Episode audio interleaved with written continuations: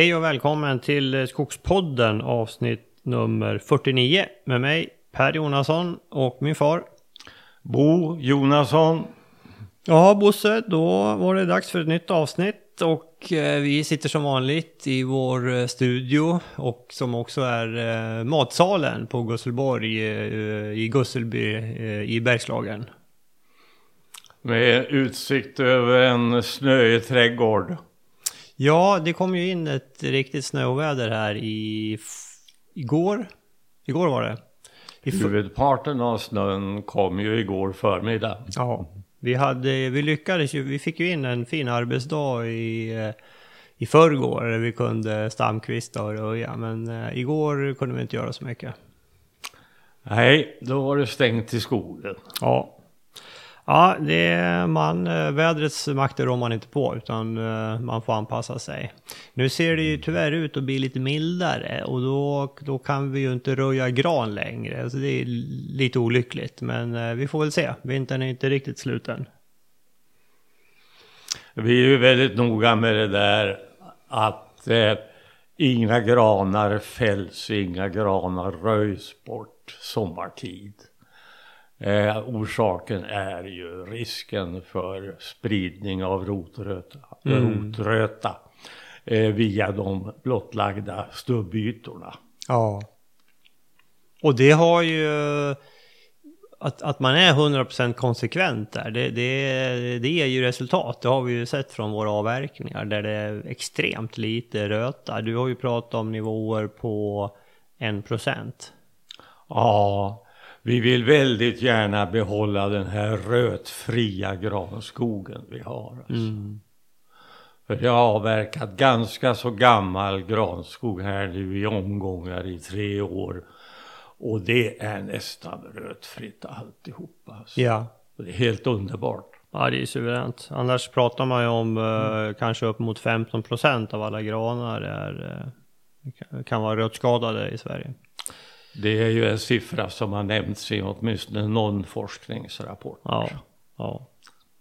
Jaha, eh, idag ska vi prata törskate och vi ska även gå igenom lite frågor och svar. Vi får en hel del frågor till podden, det tycker vi är jättekul. Och jag försöker svara på dem med din hjälp också Bosse, via mail. Men, men, nu ska vi ta och... Nu har vi fått så många så nu kör vi dem i podden. Så det blir lite fråge och svarsavsnitt. Eh, men innan vi hoppar in på det och på Törskaten så ska vi också tacka vår samarbetspartner eh, Föreningen Skogen. Där eh, du och jag Bosse, vi är medlemmar. Och nu har, i april händer det väldigt mycket där Föreningen Skogen är inblandad. Vi har årsmöte den 8 april då är det årsmöte i Föreningen Skogen och direkt efter det så är det Skogsminglet. Där man eh, minglar och träffar likasinnade och eh, det brukar vara lite föredrag och, och grejer där också. Det, det, här var jag på förra året, det var, det var bra. Jag kommer att gå i år också, hoppas träffa många lyssnare där. I år är det på Clarion Hotel Sign eh, som ligger på Norra Bantorget i Stockholm. Eh, gå in på skogen.se och läs mer om det här. Samma vecka, den tionde, det är ju på onsdagen, så är det ju forum för bioekonomi också. Och det kommer ju du också med upp på Bosse. Och det är på Münchenbryggeriet? Eh, precis, det är det ju. Mm. Mm. På, på Södermalm. Mm. Och dagen efter, den 11, är det Skogens dag i riksdagen. Ja, det finns eh, det är fullt upp den här veckan. Gå in på skogen.se och läs mer om det här. Det är mycket skog i Stockholm den där veckan. Det är det, ja. Ja, men det är skojigt. Bra, nej men du, då hoppar vi in på dagens ämne och innan vi går in på frågor och eh, förhoppningsvis några svar så ska vi prata törskate. Och för det här kanske vi glömde att nämna i det avsnitt när vi pratade om frötallar. Det här borde ha varit med i det, eh, i, i det avsnittet, men det kommer nu istället. Eh, eh, många av oss vet vad en törskatetall är för någonting. en gammal tall med torr topp, svart topp som sticker upp. Och det är det eh, vanliga sättet att se törskate. Eh, men på senare tid har det inträffat något. Plötsligt har törskaten börjat angripa tallungskogen. Det här är framförallt ett Norrlandsproblem, allra värst i Norrbotten. Mm. Man har hållit på och forskat beträffande det här i hundra år. Mm. Den första publikationen om det här kom, tror jag, 1912. Mm. Och på senare år så har man fått ökade möjligheter att forska i det här på grund av de, eh, förekomsten av eh, fröplantager. Där det här är, eh, förekommer men väldigt, i väldigt olika frekvens. Det finns en genetisk faktor här beträffande törskate som är viktig. Men det första råd man ska ge en, en skogsbrukare det är att när du hittar en törskatetall avverka den så fort som möjligt. Dels står den där och sprider sporer som kan eh, föra den här svampen vidare till andra träd. Dels lämnar den här tallen också fröd som ger upphov till plantor som är mera benägna att i sin tur angripas av törskate. Mm. Så hugg ner dina törskatetallar i skogen och lämna dem absolut inte som fröträd eller naturvärdesträd. Nej. Om de redan är döda, då kan de stå kvar. Riktigt. Eh, mm. svampen fordrar, för att leva vidare, fordrar ett levande träd. Mm. Och eh, har det trädet dött så kan det stå kvar.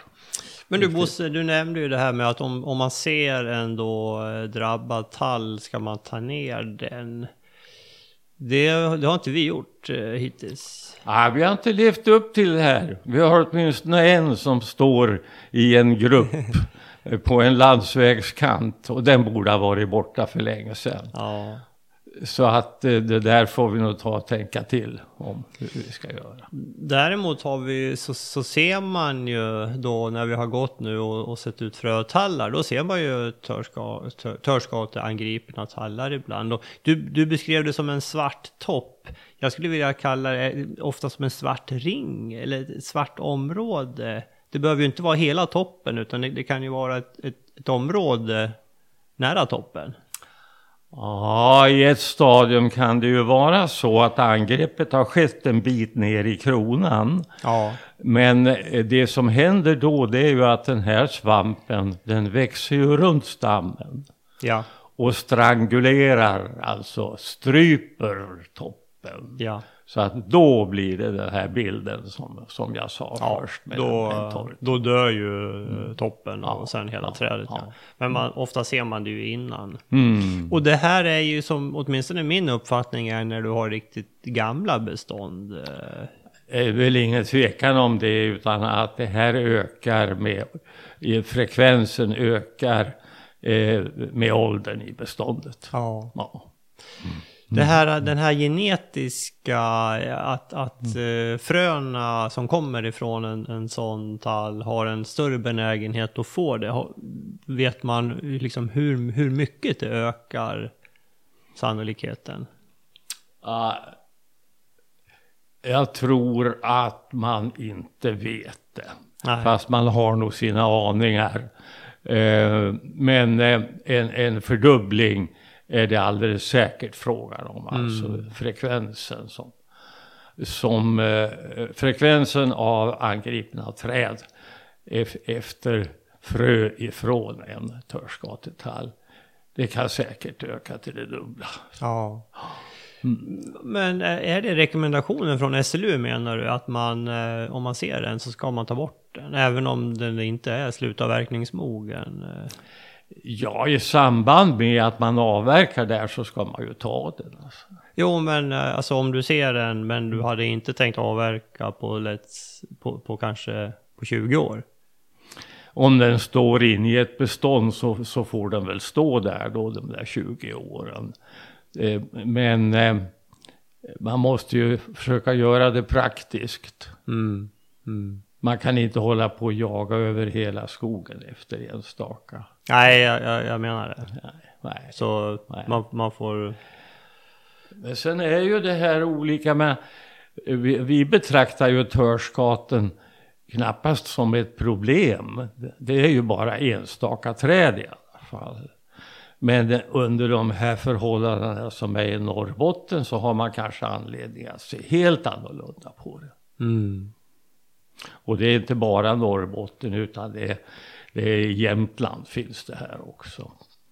Att, att det går liksom Problemet- på, ner på yngre träd. Ja visst, ja, visst, ja, visst.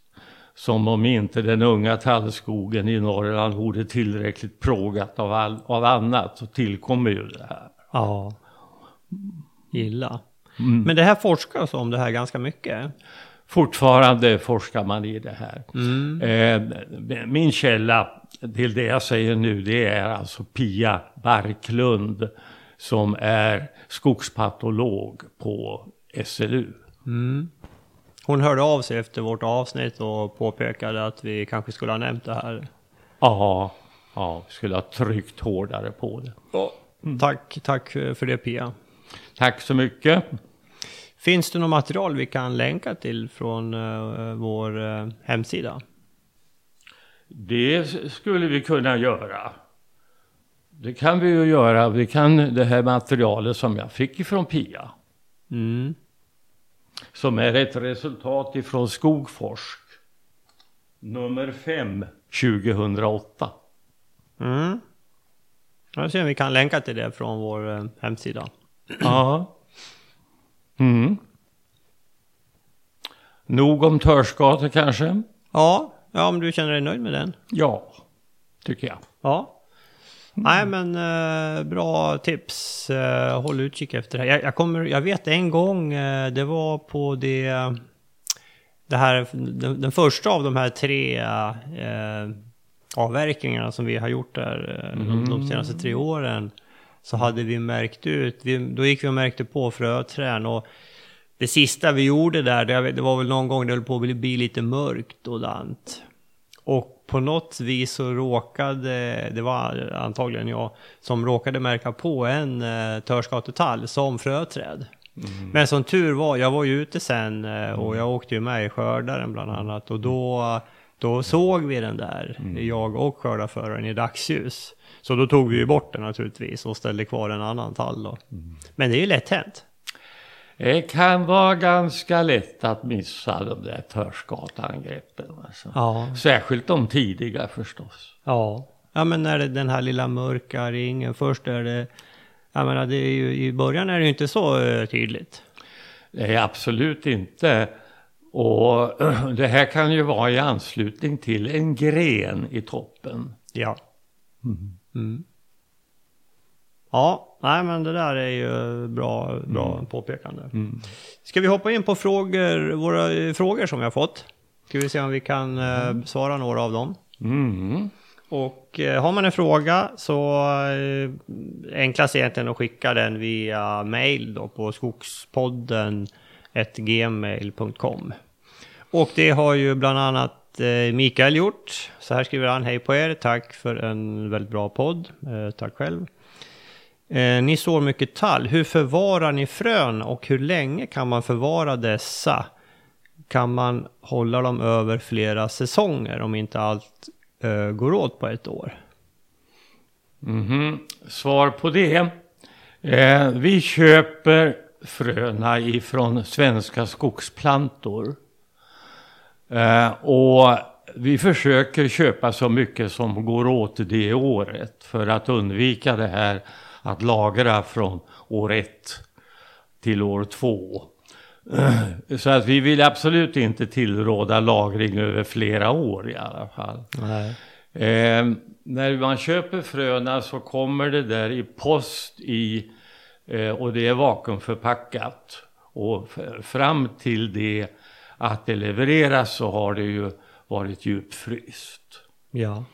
Eh, när vi har brutit förpackningen så vill vi eh, förbruka den samma år.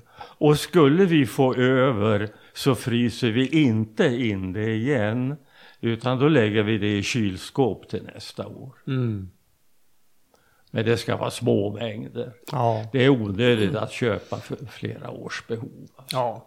Under säsongen då, det är i och för sig ganska kort tid då, men den månad som det ligger öppnat, förvarar du det, förvarar du det i kylskåp under tiden då? Nattetid i kylskåp, ja. Ja. ja. Och ja, dagtid också förstås om det inte är med i skogen. Ja, just det. Just det. För då liksom simulerar man någon sorts eh, vintervila där. Och, ja, ja okej, bra.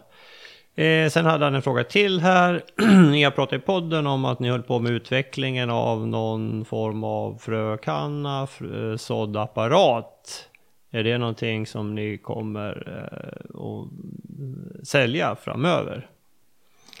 Och det är ju så att vi har ju ganska ofta pratat om Bosse att det finns väldigt dåligt med redskap för sådd. Eh, det finns en del att köpa men inte så jättemycket. Så vi, och vi, har ju, vi har ju lite gamla redskap som vi använder oss av eh, som man kan se på museum. Eh, så vi har ju faktiskt hållit på här i vinter och utvecklat ett, eh, en, en, eh, en såddapparat där, som, som man, för, för ytsådd ska vi säga. Vi pratar ju både om ytsådd och myllsådd, men det här som vi håller på att ta fram eller har tagit fram är för eh, ytsådd och eh, vi har tagit fram ett antal prototyper som vi ska prova i vår eh, nu då. Så får vi förhoppningsvis eh, en modell då som, som funkar bra och då eh, kan vi nog tänka oss att sälja några av den. Eh, jag tycker vi har kommit ganska långt med det här. Vi, vi, vi har en, ett fungerande såddrör nu. Eh, som eh, vi som sagt kommer att prova praktiskt nu under den här föryngringssäsongen som ligger framför oss. Och, och sen kommer vi att ha det här till försäljning. Mm. Ett väl fungerande såddrör för ytsådd. Just det. Det får man ju komma ihåg att olika marker kräver lite olika typer av sådd då, men eh, det här är ju eh, avsett för ytsådd och eh, ja, nej men det, det ser väldigt lovande ut. Eh, vi, vi håller på att finjustera lite grann, men det ser lovande ut. Vi ska, om en månad ska vi använda den praktiskt. Jag tror att eh, vi kommer att använda den här i kombination med granplantering. Alltså den metod som vi har pratat om i podden många gånger. Att vi planterar eh, ett visst antal granar per hektar. Förra året blev det mestadels 1200 granar per hektar. Och så sådde vi emellan granarna. Mm. Just det. Nej men så det här är ju, har man en bra apparat och man liksom kan gå över och liksom så, så, så då blir ju sådden relativt enkel får man säga. Absolut. Men det är ju, ja, man måste ha ett bra verktyg. Mm. Ja, man måste ha bra grejer. Och jag tror att den som provar den här metoden eh, kommer att eh, kunna få, få den här blandskogen som vi ofta har pratat om som så viktig. Vi, vi vill inte bara plantera gran utan Nej. vi vill ha ett tallinslag. Ja, nej men det, det blir ju mer och mer viktigt, det är ju helt klart. Ja, så vi får... Vi Bara, bara ett par ord till att vi, vi har ju detta, denna möjlighet med myllsådd också. Där man myllar fröet alltså. mm, Myllar ner den några millimeter, kanske fem millimeter jord ovanpå fröna. ja, Där har man ju en bombsäker föryngringsmetod alltså. ja, Under vettiga förhållanden så, så, så tar det här sig. Det, det växer så fint. Ja, det är ju en säkrare metod än ytsådd, det, det ska vi ju säga. Det kräver lite mer arbete dock. Ja. ja, men så vi får väl återkomma om den här utrustningen då, såddröret, eh, Skogspoddens såddrör. Vi kommer ju, vi kommer att testa den ordentligt i vår och vi kommer även låta en del friendly users testa den också, för vi vill ju få lite input på den, inte bara vi själva, det är ju lätt att bli hemmablind. Så ja, det, det, det kommer att finnas möjlighet. Om vi går vidare bland frågorna, Bosse, så har vi fått, det är faktiskt tre frågor som, eh, som handlar om det här med att köpa skog.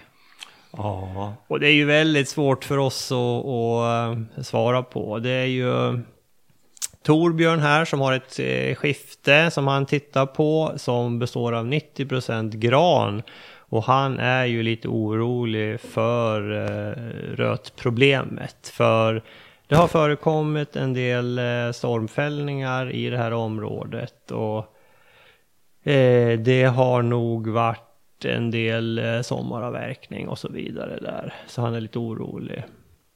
Sen hade vi också David som är intresserad av att köpa en liten bit skog och eh, ställer sig frågan är det någon ekonomi att köpa en, en, en mindre plätt skog eller, eller blir det bara i princip en, en dyr hobby? Eh, och vi har också Simon som funderar på att köpa skog här. Nu ska vi se. Ja, vad, vad, ska, vad, ska, man tänka på när man, när man eh, ska köpa skog? Storlek? Eh, hur ska man tänka med finansieringen? Eh, vilka fallgropar ska man se upp i? Åldersvariation på skogen? Vad, vad ska man titta på där? Och så vidare och så vidare. Det här är ju väldigt svårt att svara på Bosse, men, men när det gäller... Har du några generella råd att ge? Ja, man ska vara medveten om att det här att, att, köpa skog, alltså att investera i skog. Man kan inte räkna med någon hög förräntning på, på de pengarna. Utan det, eh, alltså värdet rent matematiskt, det är ju nettovärdet av alla intäkter som den här skogen ger. Diskonterad till nutid alltså. Mm. Tusen kronor som kommer om tio år, det är inte lika mycket som tusen kronor man får idag. Utan man måste räkna ränta baklänges till, till nutid. Men eh, alltså det matematiska värdet det är ju det så kallade diskonterade värdet av framtida intäkter. Och den här räntan man då kan räkna den ska vara låg. Den ska troligtvis inte vara ett dugg över 2 procent. För då får man inte köpa den där skogen. Nej. Då, kom, då, då bjuder man för dåligt. Mm. Men vi förstår så väl den här inställningen som ni alla tre eh, talar om här, den här glädjen att sköta en egen skog. Och visst är det ett väldigt tillfredsställande skapande man ägnar sig åt. Så att suget finns hos och, och odlarglädjen finns i, i hög grad alltså, hos den som håller på med det här. Mm. Men att det kan vara de här ekonomiska problemen man måste titta på. Mm. Och hålla ögonen öppna för eh, vilka värden just den aktuella skogen har. Alltså. Mm.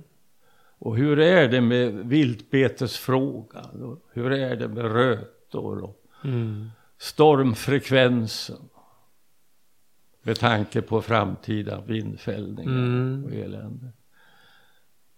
Så att det, det, är mycket att tänka på. Det är ju stora pengar det gäller. Så fort det är fråga om skogsmark. Visst är det det.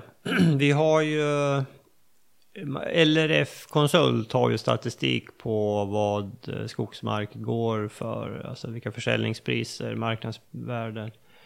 Och, och det, man, det de säger och även andra mäklare säger det, det är ju att bra, väldigt fin skog betalas ofta eh, lite lågt medan sämre skog betalas för högt.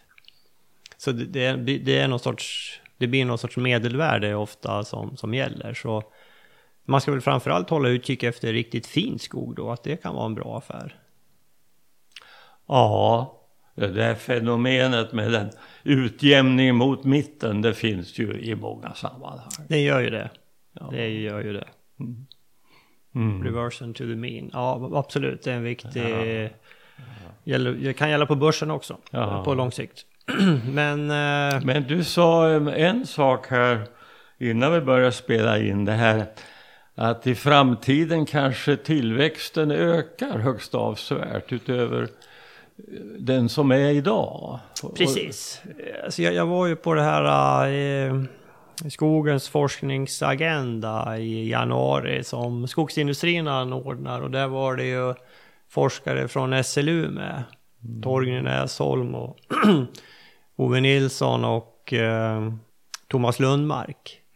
Och de, de, det var ju väldigt intressanta presentationer som de här gjorde. Och det händer ganska mycket. Alltså, dels har vi på det här genetiken, alltså hitta de rätta avkommorna som ger en, en ökad tillväxt. Och nu pratar vi liksom inte några få procent, utan vi pratar stora procentantal. Alltså man har ju lyckats kartlägga granen och jag tror tallens DNA, vilket är mycket mer komplext än människans DNA. Och när du kan göra det och börja hitta de här riktigt, riktigt bra individerna så kan du liksom ta det här ett steg till. Som gör att du kan, tillväxten kan öka. Det var det ena. Och det andra är ju Torgny Näsholm håller ju på med eh, och forska kring eh, alltså kvävetillskott. Alltså eh, mm, mm normalt en, en gödsling som man tänker, då går du ut och, och kastar ut eh, jättemånga kilo kväve per hektar. Men här pratar man om att tillföra bara lite, lite, lite grann precis vid plantans rot. Och han har ju fått fantastiska effekter på det här. Så de här två sakerna tillsammans, så man kanske pratar om en, en eh, fördubblad tillväxt. Och får Det du... är alltså kväve via aminosyror. Ja, precis. Just det. Just det. Och kan du få en fördubblad tillväxt, det, det är ju, låter ju helt extremt, men skulle du få det och kunna liksom sänka omloppstiden då ordentligt men få upp samma volym, ja då, då blir ju markvärdet blir ju ett, det är ett helt annorlunda då. Det blir, det blir, det blir ju fördubblat egentligen.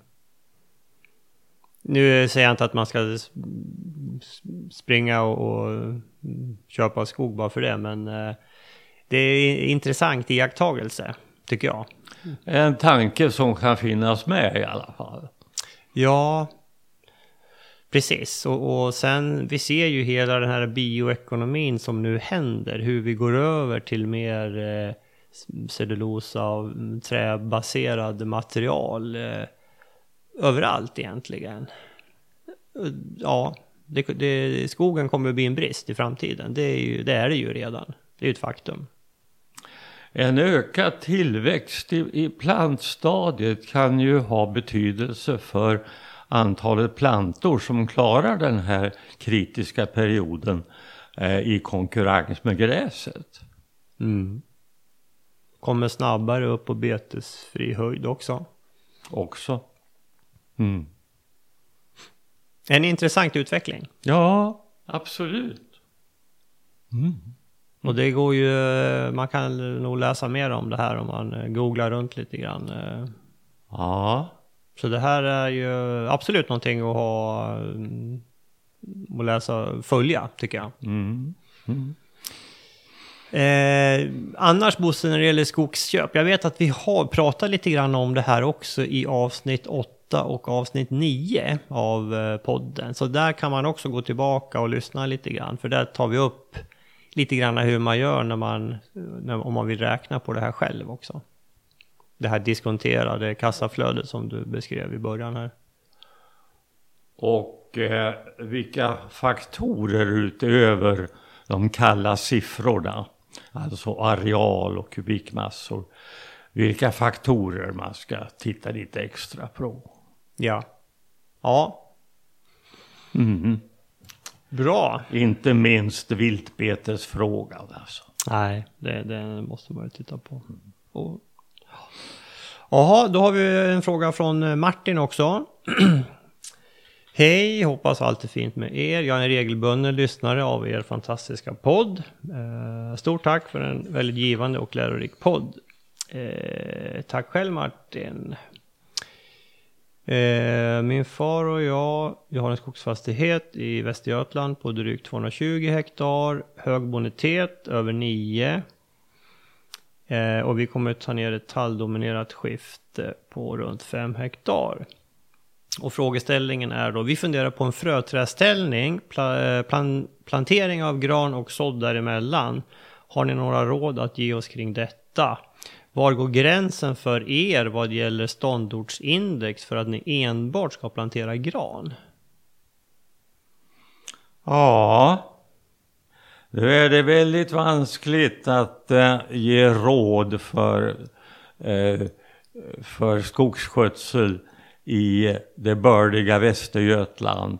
Eh, våra råd utgår väldigt ofta från våra förhållanden i Bergslagen och i Vassemåla. De är ganska likartade egentligen på de här två platserna. För att det här är inte några sådana där överbördiga skogsmarker på något ställe utan mestadels ganska genomsnittliga marker. Men på den här direkta frågan om vi har en övre gräns när det gäller bördigheten för att överhuvudtaget tänka tanken med sådd Ja, det finns nästan inte, men vi har i alla fall provat det här upp till G30. Mm. Och det är ett högståndortsindex. Ja. Det är bördig mark.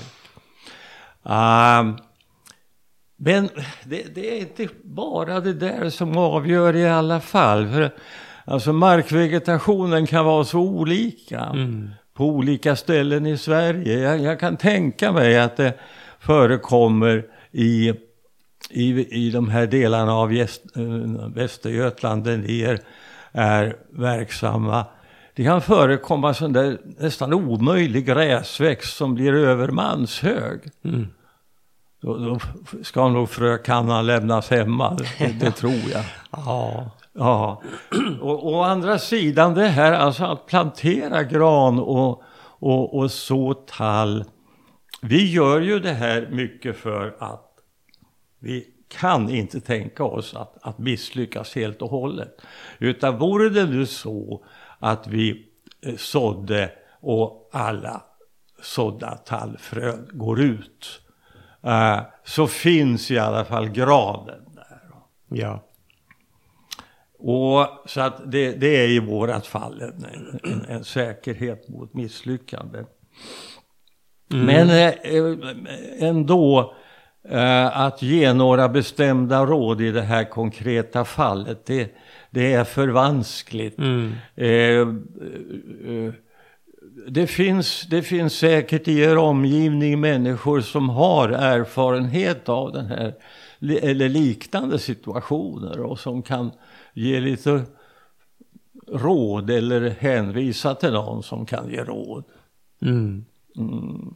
Och sen beror det väldigt mycket det här på hur markbereder man, höglägger man må hända. Skulle man kunna tänka sig att ha en riktigt tät fröträdställning som, som eh, dämpar markvegetationen? Kan man tänka sig en kantföryngring mot eh, norr och öster? Mm. Eh, hurdant är betestrycket? Eh, finns det några självsådda tallplantor under den här förmodligen inte alltför täta tallskogen? Ehm, ja, ja det finns, det finns må många faktorer som kan spela in. Mm. Och jag önskar jag kunde förflytta mig snabbt till just det här beståndet och stå där och titta och, ja. och sniffa lite grann och känna sig för och få lite känsla för hur, mm. hur det där ska föryngras. Ja. Nej, det är svårt att... Ja.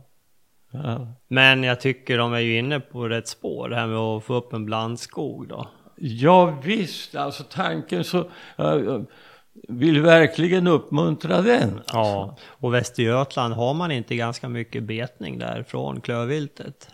Befarar det alltså. Ja, och då, är, då måste man ju ha alltså sådd eller, eller alternativt eh, fröträd, ja. eller både och. Ja. Planterad tall är ju tufft då. Ja. Mm. Jag tror mig komma ihåg att er fastighet ligger nära Billingen. Norr om Skövde någonstans. Ja. Så kan det vara. Ja. Norr Men jag vet att vissa delar av Västergötland är ju väldigt hårt ansatt alltså. Eh, Jag skulle inte vilja återfödas som tall i södra Västergötland. Nej, jag skulle nog inte vilja återfödas som eh, tall någonstans faktiskt. Men eh, där kan vi vara olika. ja, eh, vi pratade lite om det innan här Bosse också. Det är ju inte, det är ju inte svart eller vitt när det gäller det här med... Nu gick vi ner på 1200 granar per hektar och så sådde vi tall emellan i, eh, sist vi beskogade. Men man får ju anpassa sig lite grann. Och i vårt fall hade vi, i norra delen av hygget var det betydligt eh, torrare, eller betydligt magrare mark. Så där hade vi ju liksom mindre gran. Och sen i södra delen, där var, där var, där var vi ju nere på G30. Och där hade vi ju lite mera gran. Så man får ju vara flexibel även liksom in, inom Ja. beståndet. Mm. Nej men absolut. Alltså. Mm. Ja men bra. Bra. Just det, sen hade ju Martin Sen hade Martin en fråga om eh, eh, Eh, min andra fundering är det här med digital skogsbruksplan. Eh, är det någonting att ha? Eh, är det, är det e-skog ni använder? Hur tillförlitlig är den? Och så vidare. Ja. Nej, men vi, vi har ju en digital skogsbruksplan. Vi använder oss av e-skog som, som är en leverantör. Finns ju, finns ju andra också naturligtvis. Men vi är ju väldigt nöjda med våran. Vi, hur länge har vi haft den nu Bosse? Är det två, tre år? Någonting? Ja, ja, ja, cirka två skulle jag säga Mm. spontant. Ja. Eh, den räknar ju upp tillväxten eh, varje år då, det behöver man inte göra själv då. Och sen så, så fort man gör en åtgärd så för man ju in det i, i, då, eh, via datorn och då, då får man den aktuell hela tiden. Du brukar ju Bosse, du brukar printa ut eh, lite rapporter ifrån eh, den här eh, digitala skogsbruksplanen e-skog. Och ibland kommer du till mig och så säger du ja, och, nej men nu måste vi nog printa ut en ny för den här känns inte aktuell längre. Och jag brukar ju alltid svara dig att så fort du har printat ut den så är den inte aktuell för originalet finns i, i molnet i datorn. Så fort man tar ut en kopia så är det en, en, en ögonblicksbild, eh, en kopia bara. Så, och det är ju det som är fördelen med att ha en digital plan. Den är alltid aktuell i datorn. Plus att är man flera skogs... Är man flera som äger samma skog så kan ju var och en ha en, en app eller en inloggning och göra en uppdatering. Och då ser de andra det. Så man behöver inte vara orolig, vem är det som har originalet? För det, det finns i molnet. Det tycker jag är den stora fördelen. Plus alla rapporter man kan dra ut då för att se kommande åtgärder och eh, åtgärder man har gjort. Och man ser ju fördelningen och, och virkesinnehåll eh, och så vidare. Ja visst. Eh, Det här är ju en förhållandevis rejäl fastighet, de här 220 hektaren i Västergötland. Så att det är ju väl värt en sån här plan. Definitivt. Har man, eh, har man en analog plan, det vill säga i permar, så tycker jag man absolut ska överväga att eh, skaffa sig en digital eh, plan. Bra, nästa fråga och det kommer från Niklas. Mhm. Eh, Hej Per, har lyssnat till samtliga avsnitt och lärt mig mycket om skogen. Har lite frågor. Hur många frön eh, är det ungefär i ett kilo? Svar 170 000. Ja, Eh, Det ger alltså en tusen korns vikt på 6 gram. Den här tusen korns vikten det brukar stå på fröförpackningarna. ah. Och vi säger ju 300 gram per hektar. Mhm. Och då är det alltså 50 000 frön. Mm. Mm. Så har du ett kilo så får du ut eh, 3,3 3,4 hektar. 3,4 hektar. Räknat så här 170 000 frön har man.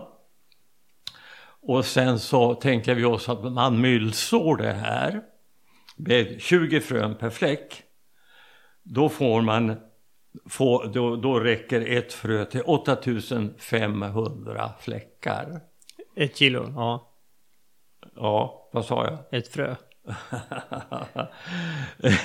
ett, ett kilo frö räcker till 8500 fläckar. Eh, om vi har då 2500 fläckar per hektar så blir det, motsvarar det här alltså eh, 3,4 hektar. Ja, Räcker det till. ja just det. Ja.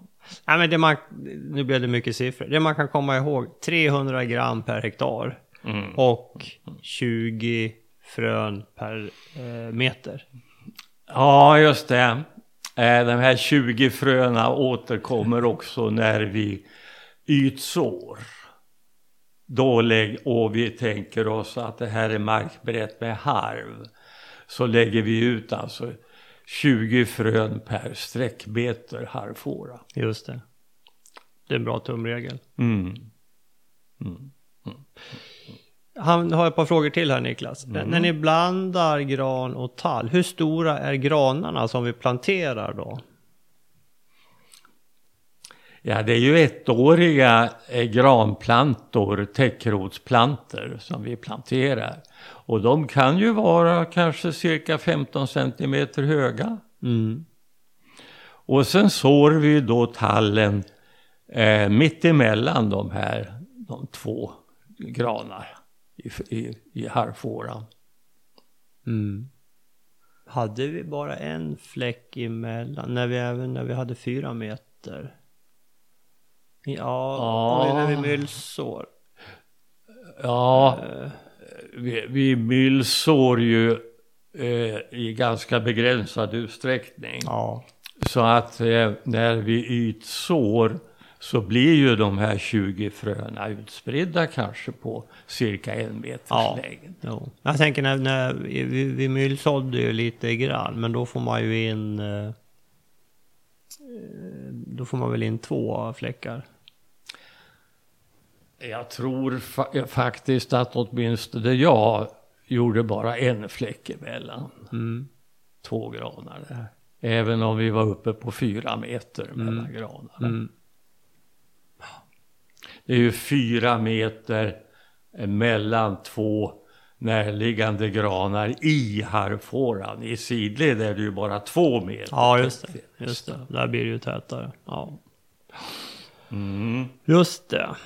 Eh, sen hade Niklas någon ytterligare fråga. Kan man spruta medel mot rotröta ett år efter? Eh, för tidigare ägare inte har gjort det vid gallringen. Nej, det går ju tyvärr inte. Svar nej. Nej. Den där besprutningen ska ske omedelbart. Ja. Eh, under växtsäsongen så bör det inte gå mer än en kvart Mm. efter det att stubben har kommit till. Så i Så ska praktiken måste man, eh, antingen så måste, om är det en gallring, ja, då måste ju maskinen ha det eh, och spruta ut då, vilket de flesta skördare har. Och jobbar du manuellt, ja då, då måste du ha en, en sprayflaska i bältet, så, så bara tsch, tsch, lite grann då. Mm. Eh, ytterligare fråga från Niklas. Om man ska spruta triko i rätt tidpunkt, när ser man att plantan börjar gå in i vinterperioden? Eh, när har vi brukat spruta triko? Vi har gjort, eh, vi har gjort det tre gånger nu och de, de första gångerna gjorde vi det i slutet på augusti. Sen gjorde vi det förra året gjorde vi det lite senare. Men går man då i slutet av augusti då har den ju gått in, då har den ju slutat växa för året. Så det gäller ju liksom att spruta, det är ju toppskottet du ska spruta. Men jag vet att eh, jag tror de flesta gör det senare, alltså jag tror eh, september, oktober. Och nu i, i höstas gjorde vi det också. Det var nog inne i oktober tror jag. Kanske. Nackdelen blir ju att det, det blir ju liksom fuktigare dagar, kortare dagar, det är mera dagg, eh, regn och så vidare. Kanske början på september är eh, lämpligt. Jag tycker överhuvudtaget september månad låter vara rätt tid alltså. Ja. Vi säger september. Ja. Ja, taget. Jaha, eh, mera frågor. Då hade vi där ja. Och så hade vi ju från Rasmus i Norge. Ja. Dikning vill han att vi ska prata om. Dikning. Mm. Kan du säga något om dikning? Eh, dikning, det är säkert lite olika bestämmelser i Norge och Sverige. Det är det nog. Man är ju alltså väldigt restriktiv i Sverige. Vi vill ju behålla våra våtmarker i skogen. Mm. Det som är tillåtet här det är ju skyddsdikning. Mm. Alltså en dikning som förhindrar att, att hygget blir försumpat i, just i, i beskogningsfasen. Mm. Och eh, då, den här bör ju huvudsakligen vara en fördjupning av befintliga diken eller ja, en sorts dikesrensning. Ja. Alltså nydikning, det är, eh, då är man inne i byråkratin och tillståndsvärlden. Ja. Men hur är det, även skyddsdikning måste du anmäla till Skogsstyrelsen? Riktigt. Det finns ju en ruta och en rad på eh, anmälningen för, för, för avverkning där man fyller i det. Ja. Och även dikesrensning, måste du anmäla det? När du har gamla diken? Tveksamt. Tveksam? Ja, jag vet inte. Nej, Nej. det får vi kolla upp.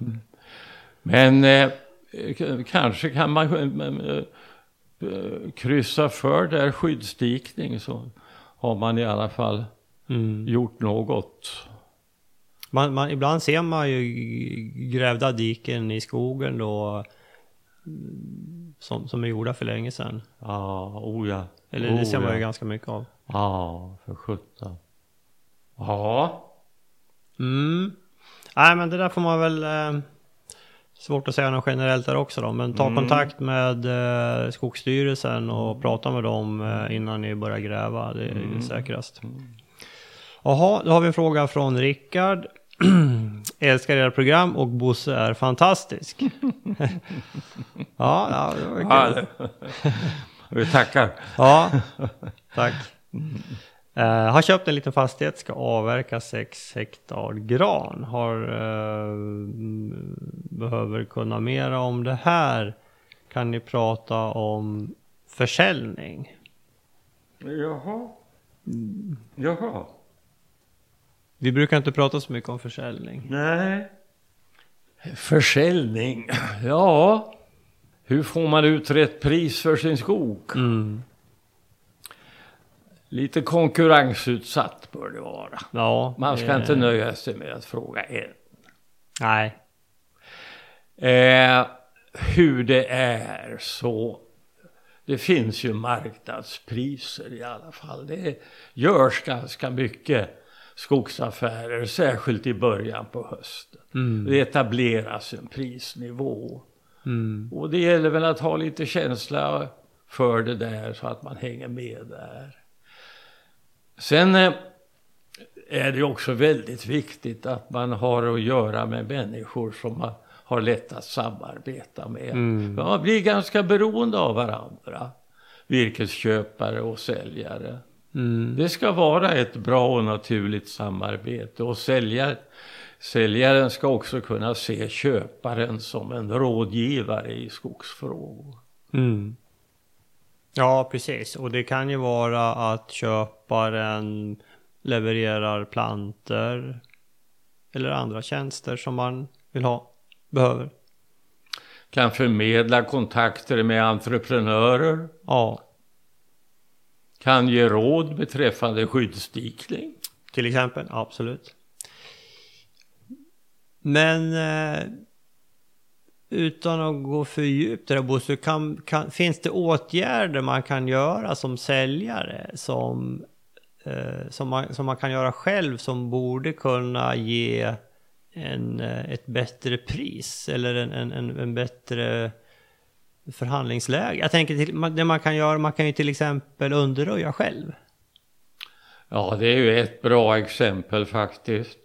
Att presentera den här tilltänkta avverkningen på ett, på ett eh, bra sätt som gör det lätt för köparen att överblicka. Ja. Man får styla sin skog precis som man stylar våningar och villor när man säljer. Ja, precis.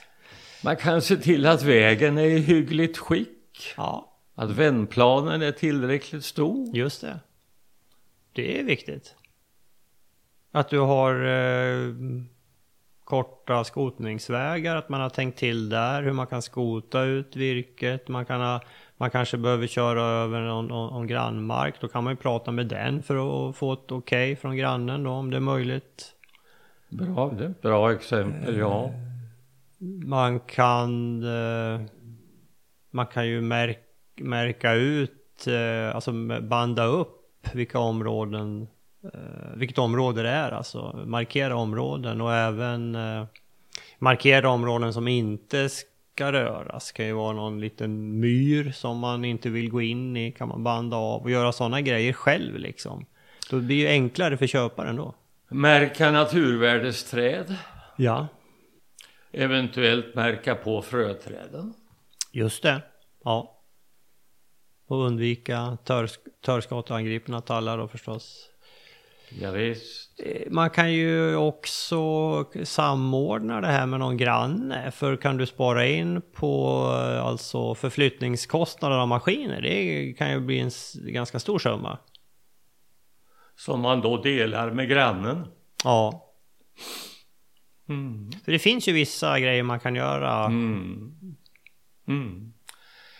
Sen följa med i pressen och, och uh, Skogen, tidningen Skogen har ju eh, och kanske till och med i varje nummer har ju priser ifrån olika landsdelar.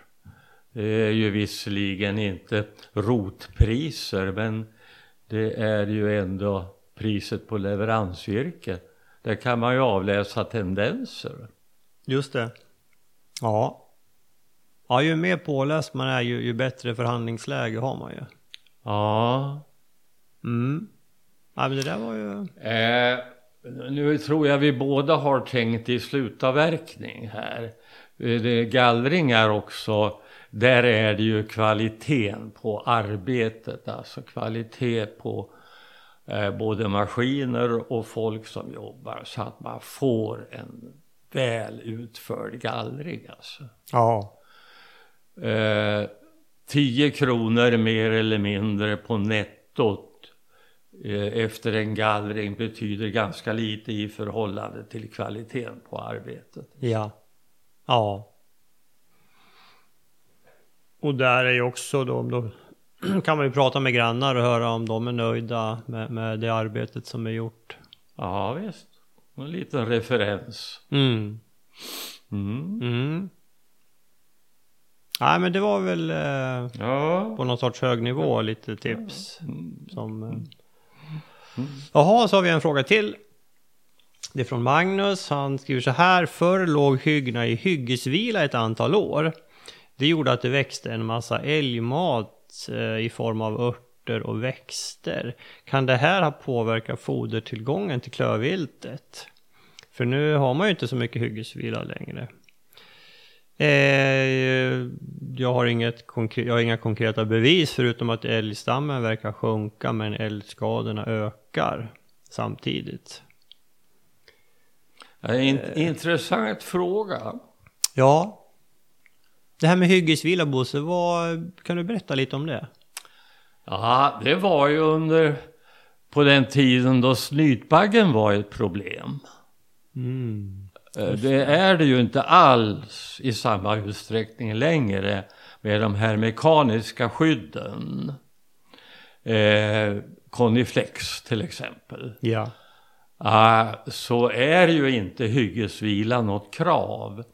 Men det fanns ju en tid då man var tvungen att vänta på eh, att invasionen, först invasionen av snytbaggar och sen att de skulle få tid att föröka sig och flyga därifrån. Just då kunde man gå in och plantera.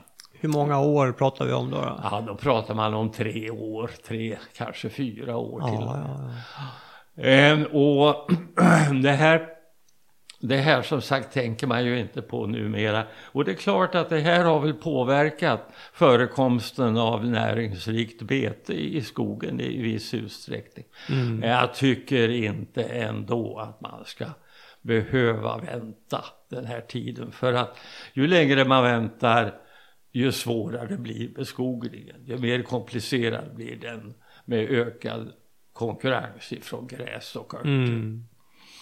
Så att jag tror att man ska gå in snabbt. Men det finns andra saker man kan tänka på istället. Och det är framförallt att i röjningsskedet spara så mycket ätbart viltfoder som möjligt. Mm. Vi gör ju det här väldigt konsekvent och vi har hållit på med det så pass länge så att jag tycker att vi numera kan avläsa resultatet av det här. Mm. Att vi får mindre betesskador på huvudstammarna om vi lämnar en massa småplantor i botten som inte konkurrerar med huvudstammarna upp i toppen men väl tränger dem från sidan. Mm. Mm. Nej men det... Vi ser ju det att det börjar ju komma upp mer och mer rönn och det är ju ett bra tecken. Ja, det är ett så tydligt tecken.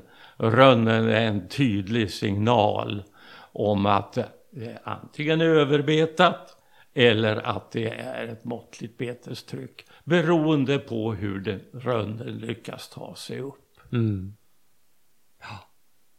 Vi eh, har ju nu erfarenhet ifrån två olika fastigheter där situationerna faktiskt är väldigt olika. Mm. I Bergslagen så, så är det faktiskt så att rönnen nu åtminstone fläckvis klarar sig ganska hyggligt. Mm. Medan det i Vimmerbyområdet inte finns många vuxna rönnar. Nej. Nej men vi har väl, eh, vi har väl en stor rönn eh, på vår fastighet där på drygt 100 hektar. Mm. Kanske det kan ju finnas någon mer också men eh, Mm. vi, vi har ju mycket sånt här som är liksom klippt nere vid fotknölarna. Ja, det som är, är riktigt intressant i sammanhanget det är det som har kommit upp på senare årshyggen. Alltså. Mm, ja precis. För att de som är riktigt stora de kan ju vara överlevare från den tidigare skogsgenerationen. Ja, jo det är de ju.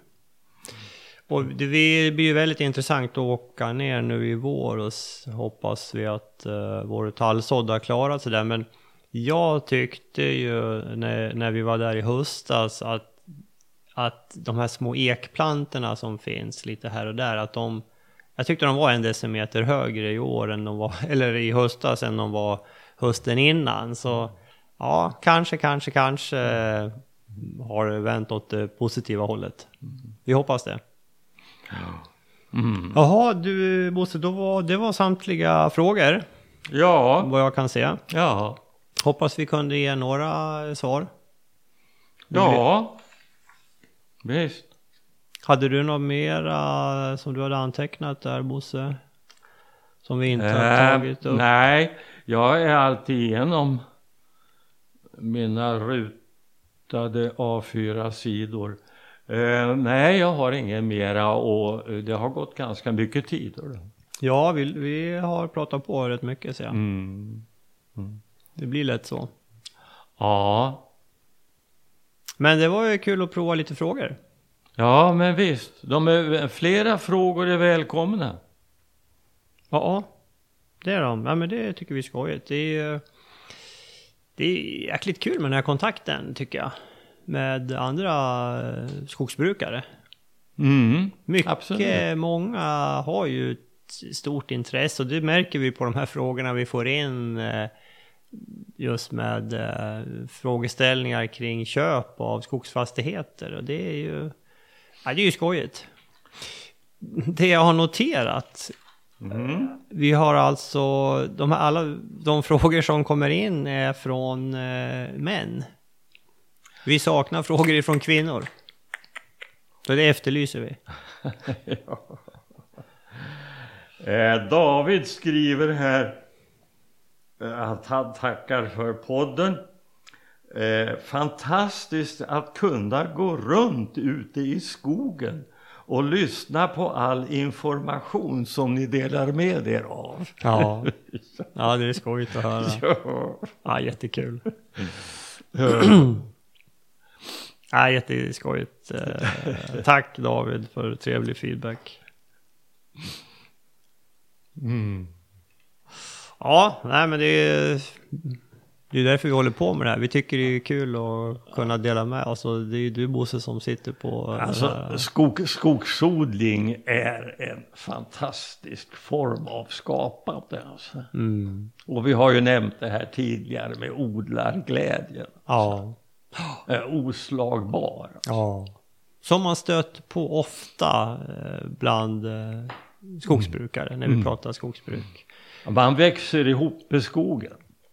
Man fastnar med fötterna i planteringsgroparna. Ja, Och det här med, jag tror nästan man blandar sitt DNA med skogen. Ja, och det här, det, det här kommer ju väldigt sällan fram i den här uh, bitvis hetska debatten eh, kring hur vi ska bruka skogen i Sverige. Den här uh, frihet under ansvar.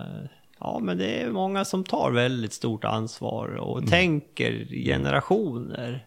Och det, det, det är ju så man måste tänka med skog. Den, den ska liksom, det ska vara hållbart i all evighet. Och den, nästa skog, nästa generation ska vara en bättre skog än den man har avverkat. Mm. Ja. Ska vi sätta punkt där Bosse? Nästa podd, det blir alltså podd 50. Och då blir det, det är ju ett sorts jubileum och då är det även precis tre år sedan vi startade också. Så det blir lite kul. Vi får ju fundera ut vad vi, om vi ska ha någon extra happening kring eh, den podden. Mm. Mm. Eh, innan vi stänger butiken helt så vill vi också tacka vår samarbetspartner eh, Föreningen Skogen som också ger ut tidningen Skogen. Nu i april så är det mycket på gång. Eh, glöm inte årsmöte plus skogsmingel den 8 april. Och den 10 april så är det forum för bioekonomi. 11 april Skogens dag i riksdagen. Det var jag på förra året, jätteintressant. Då får man ju komma in på riksdagen och eh, få gå runt en liten guidning och titta där. Vi var runt och gick i korridorerna och fick komma in i plenisalen också. Ja, imponerande byggnad.